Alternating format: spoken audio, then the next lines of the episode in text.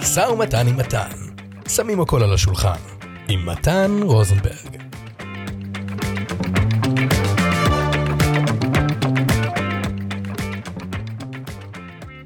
שלום לכולם וברוכים הבאים לפודקאסט שלי, מסע ומתן עם מתן. אני מתן. אני קוסם למבוגרים ואומן חושים, ואני הבנתי שכדי לסגור יותר הופעות, במחיר שאני רוצה, אני חייב להשתלט על אומנות המשא ומתן. בפודקאסט הזה אני חולק איתכם קצת מהניסיון שלי. אני אתן לכם טיפים, טריקים ועצות פרקטיות על איך להוציא את המקסימום מהעסקאות שניתן להוציא מהן את המקסימום. בפרק הזה נדבר על הרבה נושאים. אחד, מהו התקציב הרגשי, והלמה ואיך לעולם לא כדאי להיכנס אליו. 2.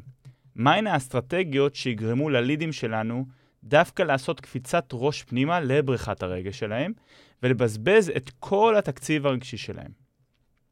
3. למה אסור לסגור לקוח שנמצא במצב של אנרגיה חיובית מדי, כשהוא ממש רוצה לקנות כאן ועכשיו? ולמה צריך להשאיר אותו ניטרלי ככל האפשר? 4. איך לוודא שלקוח לא יתחרט אחרי שהוא קנה מכם מוצר או שכר את uh, שירותיכם? ואיך עושים את זה? 5. למה חברות רבות uh, מכניסות ים בכסף מלהפחית חיכוך עם הלקוח, אבל למה דווקא בעלי עסקים רבים ועצמאים חייבים דווקא להגביר חיכוך במקרים מסוימים? וניתן לעשות את זה באמצעות, זה הנושא הבא, 6. אסטרטגיית השלוש פלוס של ג'ים קמפ. וכמובן, נסביר מה זה אומר. כן, אני יודע, הרבה נושאים בפרק אחד, אז בואו נתחיל. אם אנחנו כבר בפודקאסט על משא ומתן, הגיע הזמן שניזכר באחד מסיפורי המשא ומתן המפורסמים בהיסטוריה. סיפור יציאת מצרים. עבדים היינו, היינו, אתה אתה בני חורים, בני חורין.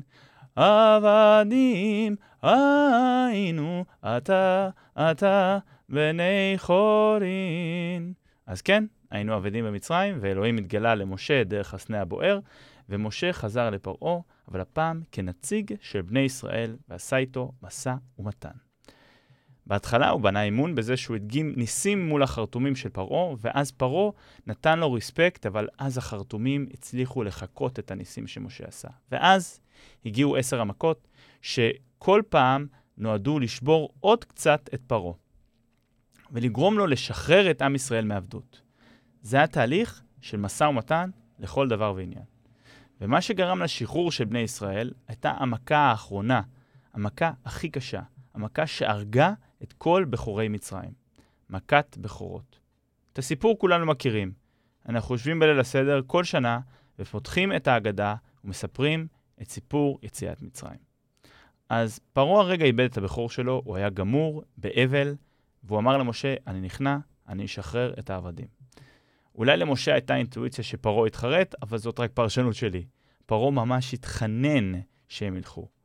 ובזמן שבני ישראל כבר בדרך החוצה, הוא התחרט, והמצרים החלו לרדוף אחרי בני ישראל. אבל לפני, לבני ישראל היה, היה head start, היה להם איזשהו פור עליהם. וכשהם הגיעו לים סוף היה נס אמיתי. אתם יודעים כבר איך זה ממשיך משם, קריאת ים סוף, 40 שנה במדבר, והגיענו עד הלום.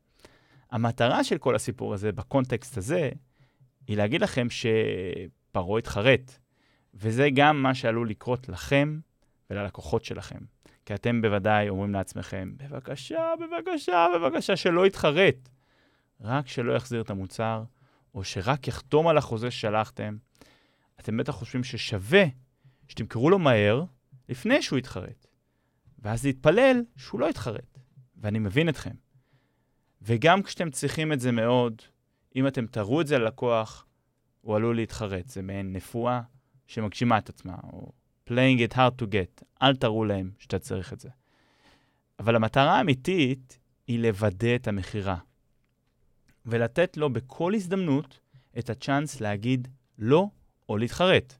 אנחנו עושים את זה גם כדי שאנחנו לא נתאכזב, אם הוא כן מתחרט. עכשיו, אנחנו כבר לא חיים בעולם שבו אסור ללקוחות להתחרט, מותר לנו להחזיר מוצר שקנינו בחנות או לבטל כרטיסים לטיסה, למלון, להופעה. זה התפקיד שלכם, רק שלכם, לוודא את הכוונות של הלקוחות שלכם. בשביל טובתם וגם בשביל טובתכם. איך עושים את זה? קודם כל, עם המילה לא. עכשיו, דיברתי לא מעט על המילה לא, ועל כמה זה חשוב לתת להם להרגיש בנוח להגיד לא, גם במחיר שהם לא יקנו. כי אם הם יגידו כן, אתם מתרגשים, אמרתם, יש, זה חודש חלש וזה הלקוח הראשון שקונה, אז זהו, שהוא לא קנה, הוא אמר כן, ובין כן לבין אשכרה ביצוע רכישה, שמיים וארץ. ולמה זה קורה? למה כן עכשיו לא אומר רכישה אחר כך? או שהוא כן יקנה, אבל הוא יתחרט בעוד שעתיים או בעוד יומיים. לפי ג'ים קמפ, הסופר של No, The Only Negotiation System You Need for Work and Home, לכל בן אדם יש מטוטלת פנימית, פנדולום. פנדולום זה מעין חוט שבקצה יש טיליון שזז אחורה וקדימה. ולפעמים הוא גם יכול להסתחרר מחוץ לכל שליטה. אם לקוח בא לרכוש מכם את המוצר שאתם מוכרים או את השירות שאתם מספקים, והוא בא עם כוונה יותר מדי חיובית, עם אנרגיה יותר מדי גבוהה, יש אנשי מכירות שיגידו, מדהים, הוא נפל לך מהשמיים הלקוח הזה, תמכור לו ומהר, לפני שהוא מתחרט. אבל בעולם בו הוא יכול בשנייה להחזיר את המוצר, או להתחרט על שכירת שירותיכם, ולבטל את העסקה, או פשוט לחטוף רגליים קרות אפילו מוקדם יותר במשא ומתן, כל הדיבורים על לקוח מושלם שרק רוצה לקנות עכשיו ירדו לטמיון. עכשיו, יכול להיות שאנשי המכירות האלה צודקים. אולי דווקא כן היה שווה למכור לו באותו רגע. אבל זאת חוכמה בדיעבד, כי זה יכול גם להיות פוקס. זאת אומרת, זה קרה רק במקרה. ואם זה קרה, אז אתם תספרו לת... לעצמכם את הסיפור, את המיתוס הזה, ששווה למכור כאן ועכשיו לאנשים האלו, ללקוחות האלה שבאים עם הלהט בעיניים. ואם הלקוח יביע נכונות לקנות, הוא יקנה, והוא יצא מרוצה. And will all live happily ever after. אבל זה לא נכון, כי זה פשוט היה מזל. ופוקסים יקרו מדי פעם, אבל מזל זאת לא אסטרטגיה. אתם רוצים שיטה, system, משהו שיכול לעזור לכם בצורה עקבית לקבל החלטות בנוגע ללידים ולכל צעד במשא ומתן. כל אס.אם.אס, כל התכתבות באימייל עם הלקוח, כל שיחת טלפון, כל וואטסאפ, וכמובן, כל פגישה פנים מול פנים, הוא שלב בפני עצמו בתהליך המשא ומתן. מעין מיני negotiation. השיטה לא תיתן לכם את כל התשובות, אבל היא, היא כן תיתן לכם מעין מצפן לרגעי חוסר ודאות. ואותה שיטה נועדה לשלוט רק בעצמכם ובמה שאתם עושים. אתם לא באמת יכולים לשלוט על קבלת ההחלטות של האחר. אולי להשפיע, אולי לעזור ולוודא, אבל לגרום למישהו לסגור? אין חיה כזאת. אם אני אתן לאיש מכירות עכשיו, לא משנה מה הוא מוכר, מכסה, משהו כמו עד סוף החודש אתה חייב לסגור לי 30 מכירות, או שאתה מפוטר. אה, הוא יכול לפעול באחת משני דרכים. אחת משתי דרכים. אחת, לסגור את כל ה-30 עסקאות בכל מחיר שהוא כן יכול לסגור, ובכך הוא השיג את התוצאה שהוא אותה הוא רדף, לסגור 30 עסקאות. השאלה היא באיזה מחיר. הדרך השנייה היא למכור לאלף איש ולסגור 30 לפחות. זאת אומרת, להשיג תוצאה אפילו יותר טובה מסגירת 30 איש, כי חוק המספרים הגדולים עובד לטובתכם. ואז המכסה לא שווה כלום, כי יכולת לעשות את זה גם בלי המכסה. רק תביאו לי אלף לידים טובים ואני עושה מטעמים. או הדרך השלישית, ואלו מכם שעוקבים, כן, אמרתי שיש רק שתי דרכים לעשות את זה, אבל אכן יש דרך שלישית שלא מודעים עליה, וזה לשאול את השאלה, האם באמת סגירת 30 עסקאות היא מטרה טובה? הרי אתם לא באמת יכולים לשלוט על מה שהלקוח יעשה, ואם אתם עובדים עם מה שנותנים לכם מבחינת לידים כאנשי המכירות, אתם תיתנו הנחות, תסגרו עסקאות גרועות עם תנאים לא טובים, הכל כדי להגיד, סגרתי. אבל איפה הרווח? הבנתם? אל תרדפו אחרי תוצאות שלא בשליטתכם. אז אם לקוח בא לכם עם אנרגיה גבוהה מדי, עם מטוטלת חיובית מדי, זה הזמן להוריד אותם לקרקע, להביא אותו לנוטרל. זה לא הזמן למכור לו. זה לא אומר שהוא לא לקוח טוב והוא לא יקנה, אבל הוא, אם הוא יקנה עכשיו כשהוא במצב קיצון, הוא עלול להתחרט אחר כך. וזה לא טוב בשבילכם. כי ברגע ששמעתם כן, או שלקוח ביצע רכישה וכמה שעות אחרי זה הוא מתחרט, כל הרגש הזה שלכם שהיה מושקע בעסקה, כמו איזה כיף, הלקוח עכשיו סגר לי בעסקה הזאת בלבד את הכסף של השכר דירה שלי, או את התשלום של הגן של הילדה שלי. ועכשיו ריסקו לכם את הדיל, הכסף הזה כבר לא בידכם, והלב שלכם נשבר. הנה הדרך שלכם להימנע מזה. אתם צריכים לטלטל את הספינה, ולנסות למנוע ממנו לקנות מיד. אתם בונים איתו חזון. הוא צריך לראות מעין vision כזה של איך ייראו חייו אחרי הרכישה, והאם הוא באמת רוצה את מה שהוא מבקש. איך אומרים באנגלית? Be careful what you wish for. לאסטרטגיה הזאת של הורדת לקוח אל הקרקע קוראים Positive Strip Line. זה מושג שג'ים קמפ הטביע, הנה דוגמה ממש מתוך הספר של ג'ים, No, the only negotiation system you need for work and home, ואני בטוח שהדוגמה הזאת תעשה לכם סדר בכל מה שאמרתי עד עכשיו. דמיינו את הצצנה הבאה, אתם עובדים במגרש מכוניות ואתם מוכרים רכבים. לקוח בא ואומר לאיש המכירות, זאת, זאת המכונית שאני רוצה, אני אקח אותה עכשיו.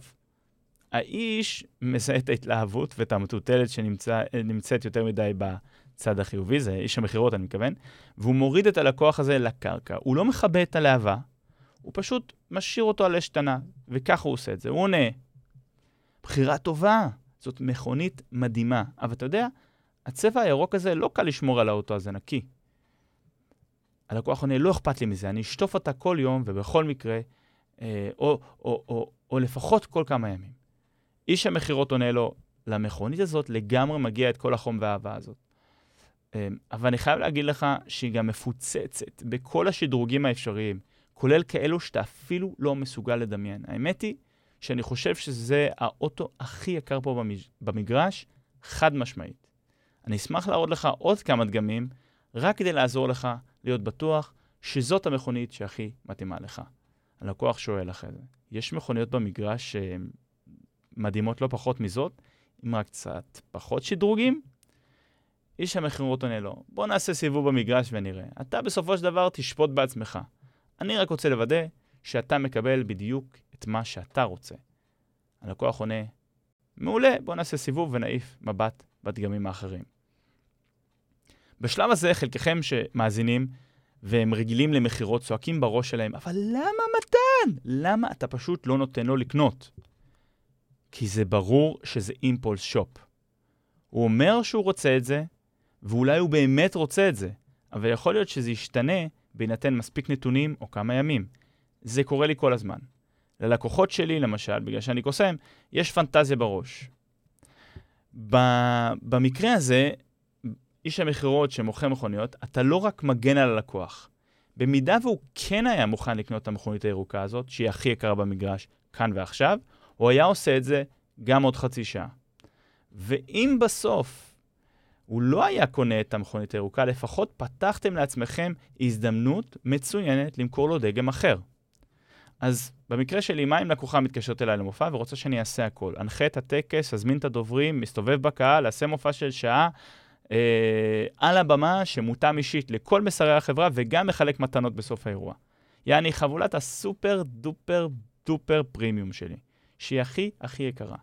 אז אני אגיד לה שהיא הכי הכי יקרה, ולרוב לא צריך אותה. האמת היא שרוב הלקוחות שלי מזמינים את המופע במה as is, בלי התאמות מיוחדות. והעובדים שלהם נהנים בטירוף.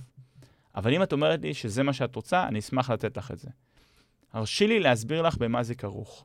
ואז אני מסביר לה כמה פגישות אני צריך ממנה, כמה מידע אני צריך על הדוברים, גישה מוקדמת לאולם האירועים על מנת לעשות חזרות, כמה כסף זה הולך לעלות לה, בקיצור, כמה הולך לכאוב לה הראש. כי היא באמת רוצה את מה שהיא רוצה? אם היא באמת רוצה את זה, היא תרצה גם עוד חצי שעה. ואם היא לא, אז לא היה רע לנסות למכור לה משהו אחר, זאת אומרת מוצר זול יותר, ולא הסופר דופר פרימיום שהיא מחפשת. הסיבה השנייה למה אני עושה את זה, כי היא מתארת לי משהו שהוא too much מניסיוני, שהוא לא באמת מתאים לאירוע שהיא מתכננת. ושהיא צריכה להבין שכדי לקבל את מה שהיא רוצה, היא צריכה לעשות א', ב', ג', ד', ה', דברים. אני כמובן מקבל את זה באהבה, זה בסדר. זה אולי האירוע הראשון שהיא מפיקה בתפקיד אי פעם. ולי יש ניסיון של אלפי שיחות מכירה ואלפי אירועים אחרי כמעט שני עשורים בעסק. ברגע שאני בונה את ה-vision שלהם, אני מוריד אותם לקרקע, כדי שהם יהיו בטוחים, כדי שהם ידעו מה הם מקבלים. מצב קיצון דומה לזה, הדוגמה הכי פשוטה, אם הלכתם אי פעם לסופר על בטן ריקה, הכל נראה לכם פתאום טעים, נכון? באתם רעבים, ועכשיו אתם סתם מכניסים שטויות לעגלה. שטויות שבא לכם לאכול באותו רגע, אבל כשתפרקו את הקניות בבית, תכניסו משהו לבטן ותירגעו, ואז תתפכחו ולא תבינו למה קניתם ארבעה סוגי דגני בוקר שונים. או ארבעה סוגי קרקרים, או מלא ממתקים. לא רק שאתם לא צריכים לפחד שהלקוח שלכם יתחרט, תדחפו לוודאות איתו גם במחיר שהוא דווקא כן יתחרט. כמו הדוגמה, איש המכירות שלא רצה למכור את המכונית הירוקה, לא רצה במרכאות, זה לקוח שמגיע עם מטולטלת חיובית או שלילית מדי, וצריך להוריד אותו לקרקע. אפשר לעשות את זה על בניית החזון, ה-vision של איך ייראה העתיד אחרי הרכישה. והאם הלקוח באמת מוכן לבצע את המהלך. ככל שמחיר הפריט, או אמ, אני הייתי אומר, המחויבות גדולה יותר, ככה יהיה יותר חיכוך. יש חברות שהכניסו כמויות מטורפות של כסף על ידי הורדת חיכוך. דוגמה מצוינת של חברה כזאת היא אמזון, עם ה-one click buy. זאת אומרת שבקליק אחד אתה רוכש, אתה לא צריך למלא פרטים, להכניס כרטיס אשראי ואז לאמת שהכל נכון. מוסיף לעגלה ולוחץ buy בקליק אחד. לא שלפני זה זה היה כזה קשה, אולי עוד קליק אחד או שניים, אבל עצם העובדה שהם ירדו לקליק אחד, הם הקטינו את החיכוך עוד יותר. ואמזון, בזכות המהלך הזה, הכניסה עוד מיליארדים רבים. רק בזכות המהלך. אבל לא בכל רכישה זה אמור להיות כל כך קל. כשקונים בית, זה קשה. אמור להיות חיכוך. מדובר על אין ספור בתים שאתה צריך לראות. אתה חוקר על יתרונות וחסרונות בכל בית. יש סוכן נדל"ן, יש לך תקציב, יש משכנתאות שהבנק יסכים או לא יסכים לאשר, יש לך ביטוח משכנתה, יש לך חתימות אצל עורכי דין והעברות בעלות. המון המון חיכוך. גם כשקונים אוטו, גם כשאתם מתכננים אירוע כמו חתונה או הנפקה של חברה. זה ממש לא one click buy. החיכוך הזה הוא הכרחי. הוא הכרחי בשבילנו המוכרים לסינון לידים לא רלוונטיים, והכרחי בשביל הלקוח עצמו. כי הוא מקבל החלטה שלא באמת קל לקבל, ובדרך כלל תעלה לו הרבה כסף. אז כן, יש אנשים שיכולים להחליט מהר, או יודעים בדיוק למה הם נכנסים, אבל הם היוצאים מן הכלל. רוב האנשים לא מחליטים מהר בהחלטות חשובות וגדולות. אז מי שבא עם כל הכוח ורוצה לסגור עכשיו, לרוב לא חושב על התוצאות עד הסוף. וצריך להוריד אותו לקרקע. וכמו שג'ים קמפ אומר, אם הוא עוד מעוניין לרכוש אחרי חצי שעה, אז לא הזיק לנסות להציע לו מוצרים או שירותים אחרים. ואם מתגלה שהוא לא רצה, יצרנו את הפתח הזה, כן, לשרת אותו ולמכור. מי שרודף אחרי תוצאות לא רואה את זה. הוא רק רואה את המכסה של השלושים, הוא רק רואה לקוח רעב שצריך להאכיל. אני אומר, קודם כל שירות, לשרת את הלקוח, לטובת הלקוח ולטובתכם. אז אחרי שהורדנו אותו לקרקע, אנחנו נשתמש באסטרטגיה של ג'ים קמפ שנקראת שלושה פלוס, או 3 פלוס, או 3 פלוס. מה זה אומר? זה אומר שעל מנת לוודא שהכן של הלקוח הוא כן אמיתי, אתם צריכים לוודא לפחות שלוש פעמים, וג'ים קמפ אומר לפחות ארבע פעמים, לכן שלוש פלוס. למי שלא עוקב או נרדם באמצע הפודקאסט או איבד אותי באמצע שטף הדיבור, ג'ים קמפ הוא הסופר של הספר לא, no. הדרך היחידה למשא ומתן שתצטרכו לבית ולעסקים. באנגלית, no, the only negotiation system you need for work and home.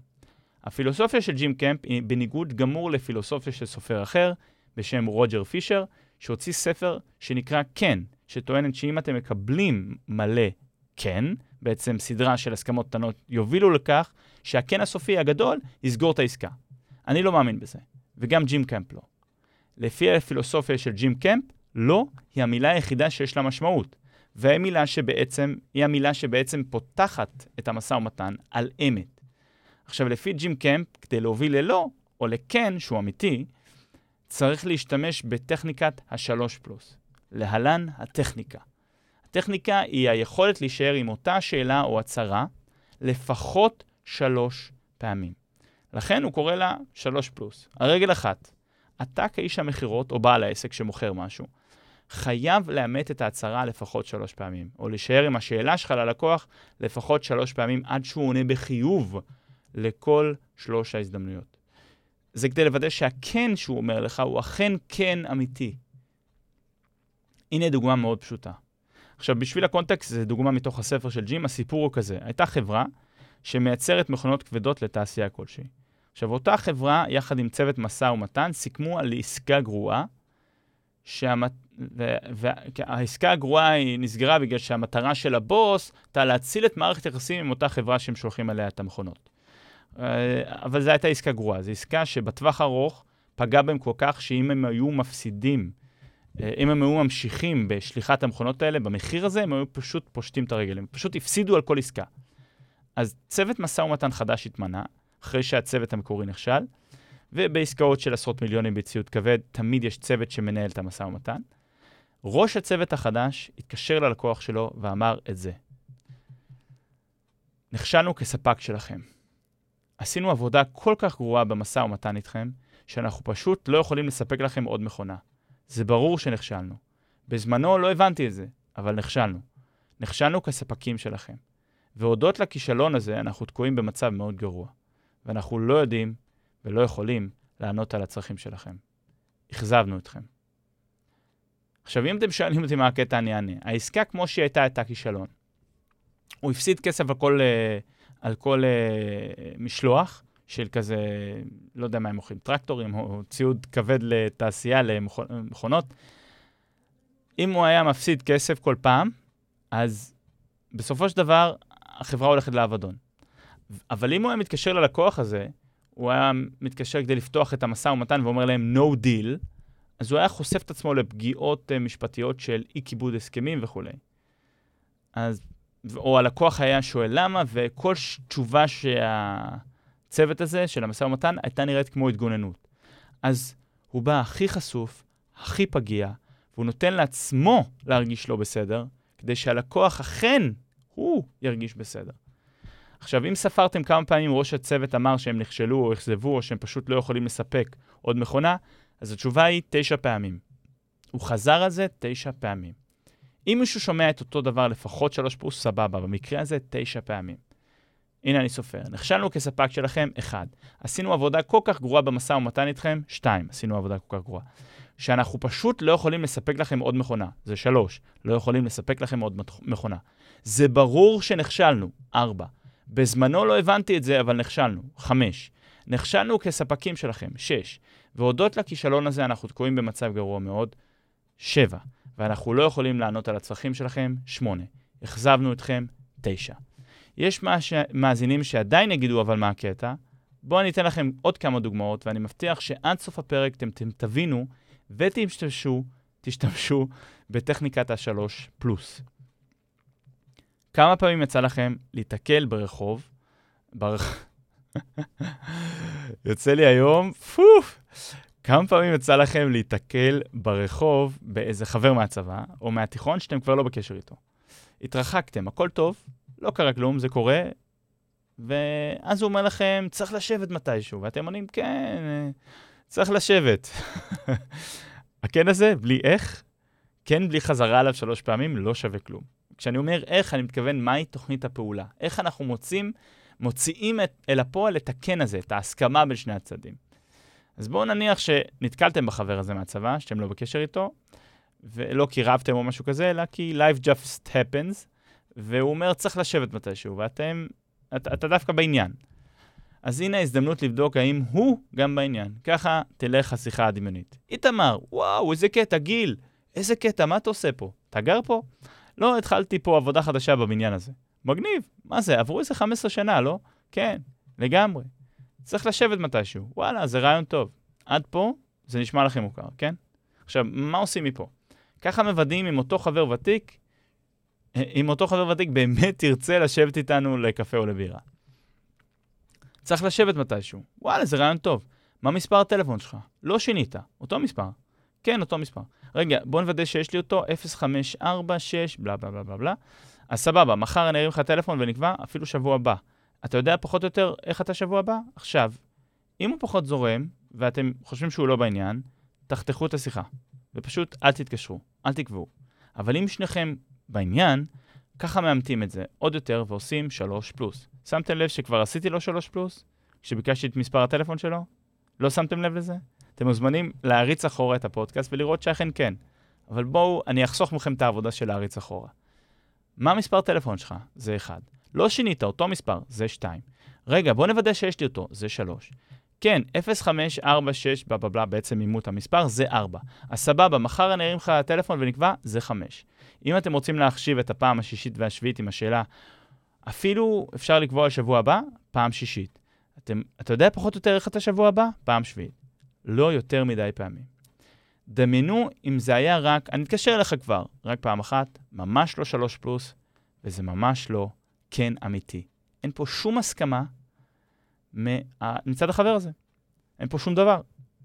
אז אפילו בסיטואציה חברתית כזאת פשוטה, וממש לא עסקה של מיליונים, כולה שני חברים שלא ראו אחד את השני מאז התיכון, ורוצים לראות האם שווה להיפגש או לא. המילה כן, בלי שיטת פעולה, לא שווה שום דבר.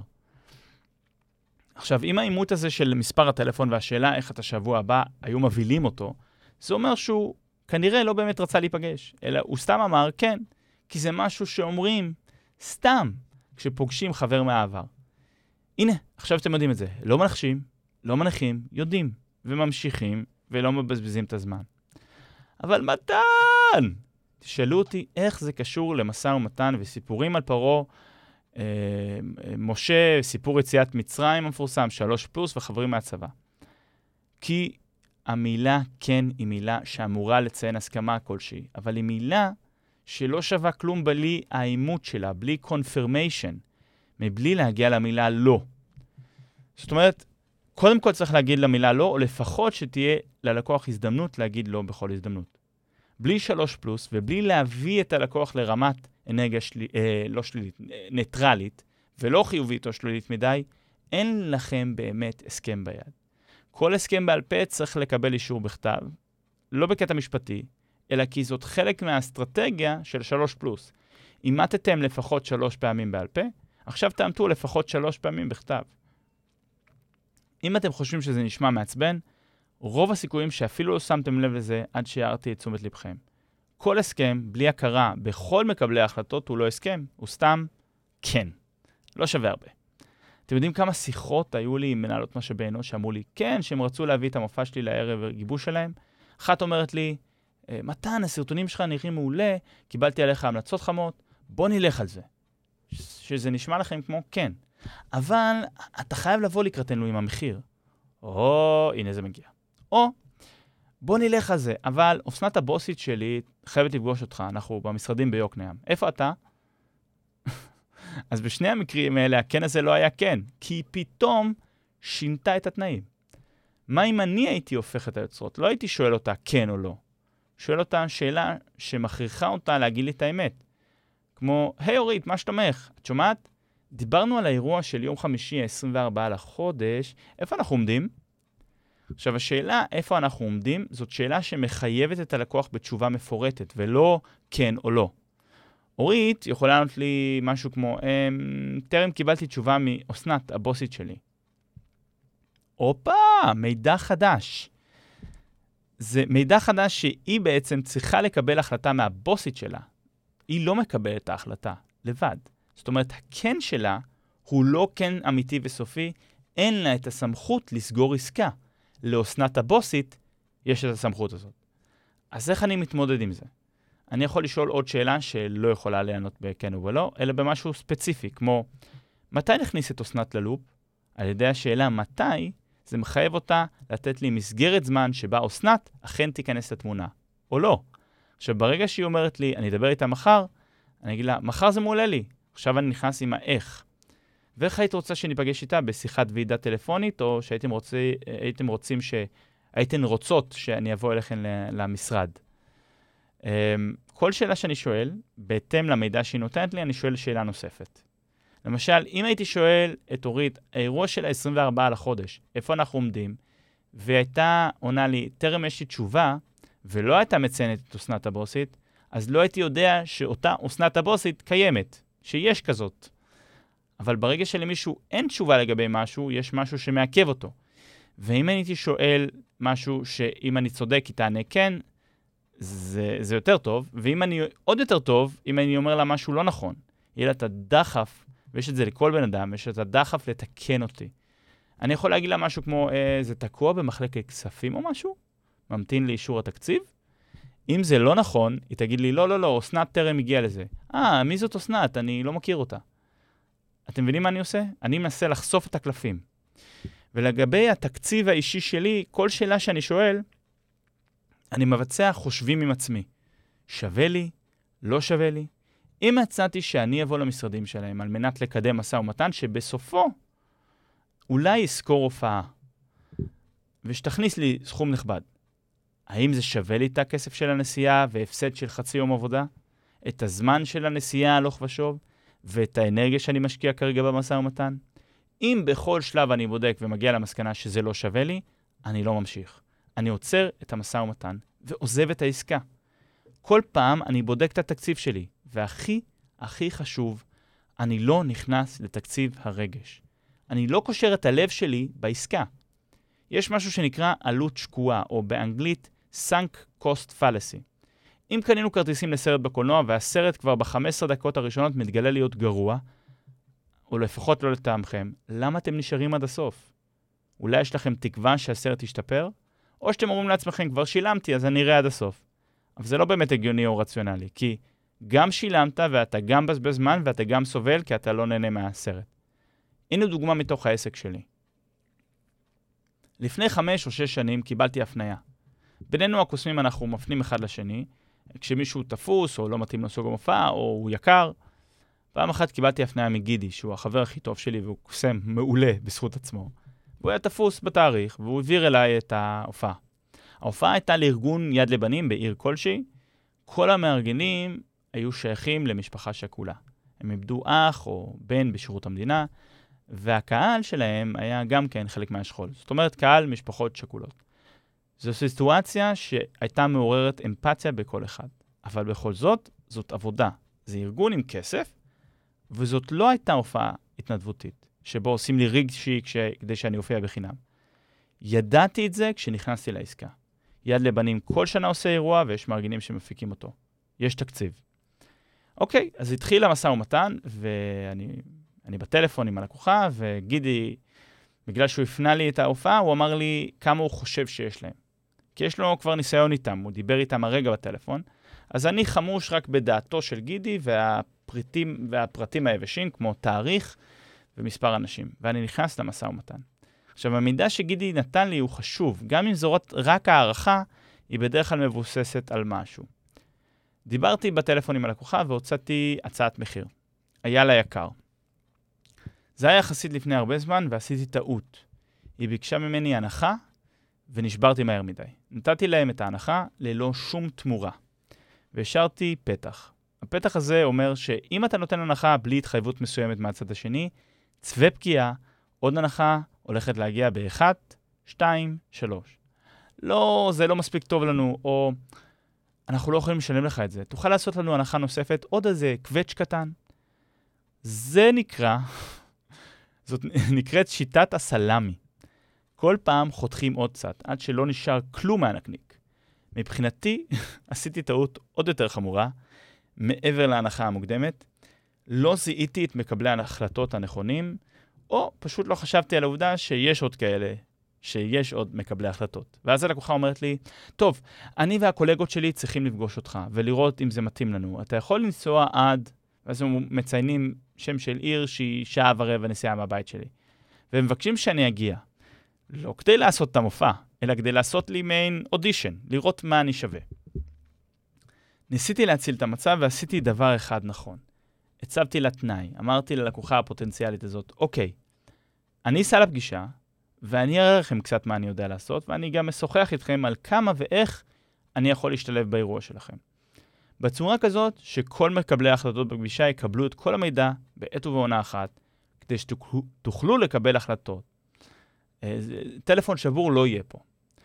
אבל, וזה אמרתי לה, המחיר שציינתי הוא סופי, ואני אגיע בתנאי שלא תנסו להוריד אותי במחיר. עכשיו, מה שעשיתי פה הוא, במידה והתנאי הזה יובהר לכולם, אני מנעתי הידרדרות נוספת שאני גרמתי לה. עשיתי את הטעות הראשונית, הטעות הראשונית של ההנחה המוקדמת מדי. אבל אנחנו נשפטים לא על הטעויות שלנו, אלא על איך אנחנו יכולים לתקן אותן. הייתי מושקע כבר תקציבית שם. השקעתי זמן בשיחת הטלפון עם הלקוחה, ואני צפוי גם לנסוע לעיר הזאת, שהיא רחוקה מהבית יחסית, וכמובן יש את זמן הפגישה עצמו, חיפוש חנייה, התארגנות, בקיצור, חצי יום עובדה. זה בזבוז זמן, בעיקר שלי, הם לא מגיעים אליי, הם לא מבזבזים את הזמן של עצמם. לתקציב הכספי לא נכנסתי כל כך, לא דיברנו על דלק ונסיעה וזה, אבל זה היה בעיקר ברמת האנרגיה והזמן. אבל מה שלא רציתי, זה לא רציתי להיכנס לרגש. ופה עשיתי דבר נכון, בדיעבד כמובן. נסעתי לפגישה, הגעתי בזמן וכולם איחרו. אז אנחנו נכנסים לתקציב זמן שלי עוד יותר, וקצת אנרגיה, כי אני מתחיל להתעצבן.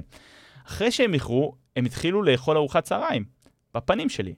והם התנצלו שהם אוכלים מולי, פשוט כי הם לא אכלו כל היום.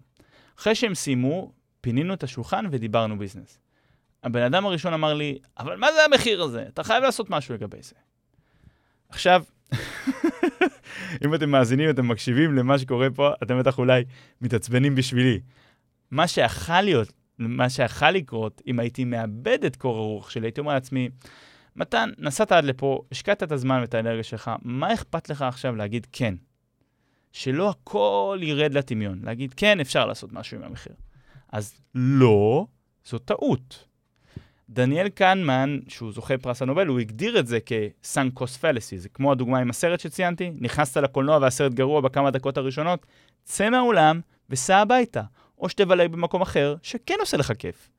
בגלל שאני מוכר תאריכים ביומן, תאריכים שלא יחזרו, ושאני לא יכול להיות באותו מקום באותו זמן, למרות שאני קוסם, זה אומר שאירוע שנסגר ל-14 בפברואר באולם אירועים באשדוד בשעה 7 זה קבוע, זה קונסטנט. ברגע שקבעו איתי הופעה לתאריך שעה ומיקום הזה, אני לא יכול לסגור עוד הופעה באותו זמן. יכול להיות שלעסק שלכם אין את הבעיה הזאת, אתם עסק e-commerce, מוכרים מוצרים פיזיים, או אתם מפיקי אירועים שיכולים להפיק כמה אירועים שזורמים באותו יום, אבל בעסק שלי, כשרוצים את המופע של מתן רוזנברג, מתן רוזנברג חייב להיות שם. זה אומר שבלי להיכנס לערך שאני נותן ללקוח, שזה כמובן מאוד חשוב, בתכלס, מה שאני מוכר זה תאריכים. אז חזרה לסיפור. אני בפגישה הזאת בבית יד לבנים בעיר כלשהי, מתכננים מופע למשפחות השכולות בעיר, אז הבחור הזה שאיתו לא דיברתי בטלפון, אומר לי, אבל מה זה המחיר הזה? זה מעצבן. אחרי שאמרתי ללקוחה בטלפון, היי, אני נוסע לפגישה איתכם רק בתנאי שלא ינסו להוריד אותי במחיר, אז אם הייתי נשבר שוב, הייתי אומר לו, כן, אולי אפשר לעשות קווץ' קטן. לא, טעות, ציינתי את זה כבר. אתם יכולים לחשוב לעצמכם, אה, אתה כבר בפגישה שעה ורבע, ויש לך עוד שעה נסיעה, והשקעת כבר עד עכשיו, מה עכשיו אתה מוותר? התשובה היא כן, עכשיו נוותר. כי מה אני מוכר בעצם? תאריכים. ואם האירוע בעוד חודשיים, הסיכוי שייסגר מופע אחר במחיר מלא הוא דווקא גבוה. ואני מוכן לקחת את הסיכון הזה, ומחליט לא לחסום לעצמי את התאריך. עוד עם הנחה. עכשיו, ברגע שאין לי את הפחד הזה ואני מוכן לקחת במרכאות סיכון, אין לי צורך ואני גם לא מראה צורך, אני יכול להשתמש בזה, במידה והם מבלפים. אם, אם הם לא, אז אנחנו נדע. אם הם כן מבלפים, נוכל לחשוף להם את הבלוף. איך? על ידי המילה לא. אז אם אני אומר לו לא, לא חייבים להשתמש במילה הזאת רק ככה, לא. אפשר להגיד, מה הבעיה עם המחיר? או, לא, אי אפשר לעשות שום דבר לגבי המחיר. או, אני מצטער, אני לא יכול לעשות כלום לגבי המחיר. סליחה. ואם זה אכן deal breaker, אז אני נוסע הביתה מבסוט. למה אני מבסוט? כי התאריך שהיה אמור להיות משוריין להופעה הזאת השתחרר, ועכשיו יכול להימכר לכל אחד אחר. אה, הפריט חזר למלאי, נקרא לזה, וימכר אה, למרבה במחיר. אז אתם רוצים לדעת מה אמרתי לו? כן, אני יודע שאתם רוצים לדעת. אמרתי לו ככה, סליחה, אני חושב שהייתה פה אי-הבנה. נתתי לכם כבר את המחיר הכי טוב שיכולתי לתת, שזה בעצם מחיר שהוא כבר אחרי הנחה. כמו שאתם יודעים, אני לא מפה. זאת נסיעה דרך רחוקה בשבילי, בשביל פגישת עבודה. ואמרתי פה לדנה, זה שם בדוי, שאני אבוא לפגישה הזאת. אמרתי לדנה שאני אבוא לפגישה הזאת בתנאי שלא ינסו להוריד אותי שוב במחיר. אני יודע, זו תשובה קצת ארוכה כדי להגיד לא, אבל המסר הוא עבר. הוא השתתק מיד ואמר, אוקיי, אוקיי. אבל כמו שאתם מבינים, מה אוקיי, אוקיי, אוקיי, זה שלו, לא באמת אומר לי משהו. אני צריך לוודא. חזרתי ואמרתי, אין לי בעיה עם זה שלכם כן יש בעיה, זה בסדר גמור. יש לכם בעיה עם המחיר.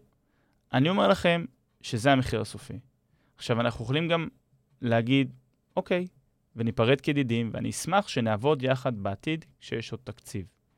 מיד הייתה התקוממות קולקטיבית. היו איזה ארבעה או חמישה אנשים שם בחדר, ואמרו, לא, לא, לא, לא, לא, לא, לא, זה לא מה שהוא התכוון, הוא לא יודע. זאת אומרת, במקום לתמוך במישהו משלהם, הם עכשיו נאבקים כדי שאני לא אלך הביתה. תזכרו שכמו שלי יש תקציב זמן, תקציב כסף, תקציב אנרגיה ותקציב רגש, גם להם יש. וברגע שהלקוח מושקע ברגש, זה אומר שהוא יכניס את היד עמוק לכיס, יוציא את הארנק וייתן לכם את כל הכסף שלו.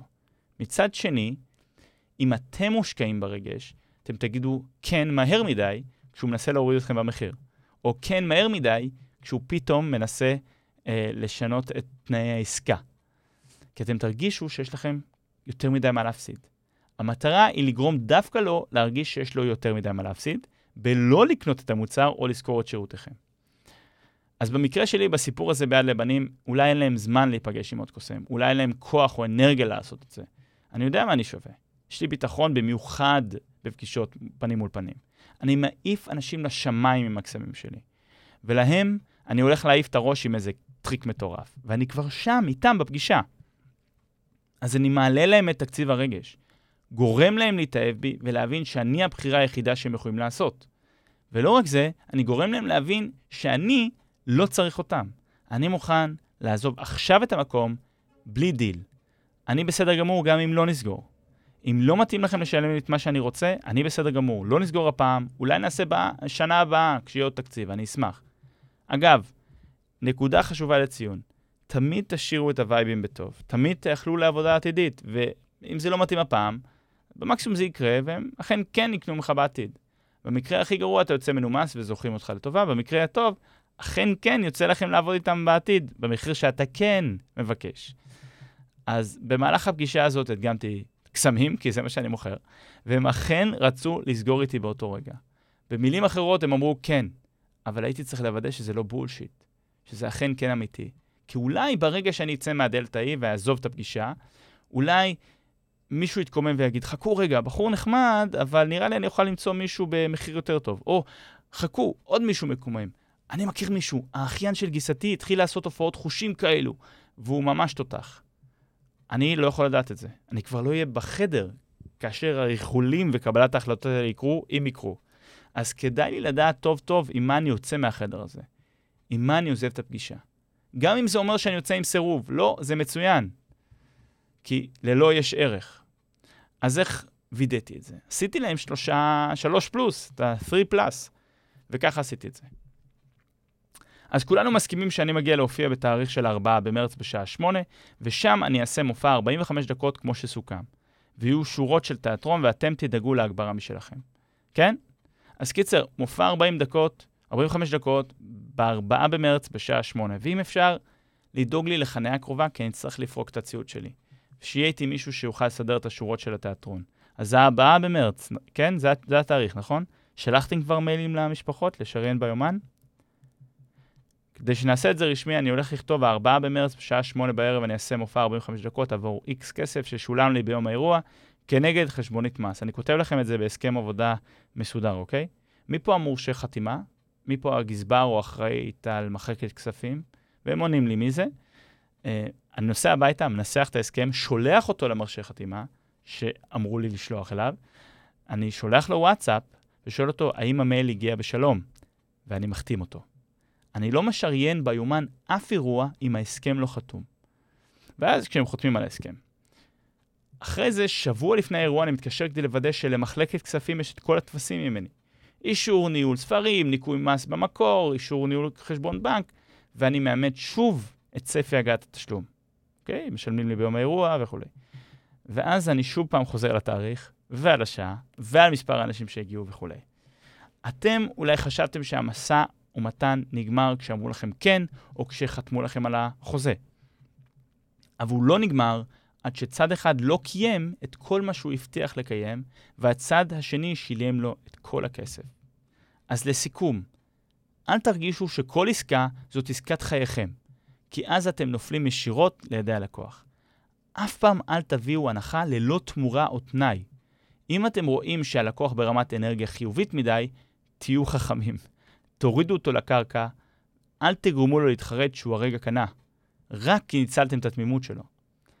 כי כשראיתם אותו זה היה במצב של חייב לקנות עכשיו. האנרגיה שלו תרד בעוד שעתיים-שלוש והוא יתחרט. אז לפני שזה קורה, או כדי לוודא שזה לא יקרה, והוא אכן רציני, תורידו אותו לקרקע. ואז תעשו לו 3 פלוס, 3 פלוס. כל התכתבות, מייל, טלפון או שיחה פנים מול פנים, הוא עוד שלב במשא ומתן. עוד מגע עם הלקוח. בכל נקודת מגע עם הלקוח צריך לעשות 3 פלוס. ואם זה נשמע לכם too much, תזכרו שרוב טכניקות השלוש פלוס בפרק הזה כנראה עברו לכם מתחת לרדאר, ואולי אפילו לא שמתם אליהם לב. זה לא הרגיש לכם מעצבן. וגם, תזכרו, ללקוח יש תקציב שאתם אמורים לגמור, ולא, אין סיכוי נגדכם, כי אתם חזקים, כי אתם עובדים לפי השלבים. יש לכם צ'קליסט ואתם לא נכנעים לצורך שלכם, אתם דוחים סיפוקים ואתם לא צריכים סגירה מהירה. הדיל לא נגמר עד שהשירות לא מומש, או שהמוצר בידי הלקוח, והכסף שלו אצלכם בכיס. אל תשחררו לעולם, אל תרגישו כאילו יש לכם את זה. העסקה בידכם, כי בשנייה הכל יכול להתהפך עליכם, ואתם תישארו, תישארו עם יומן ריק או עם מלאי מלא ובלי לקוחות. It ain't over till it's over. שלכם, מתן.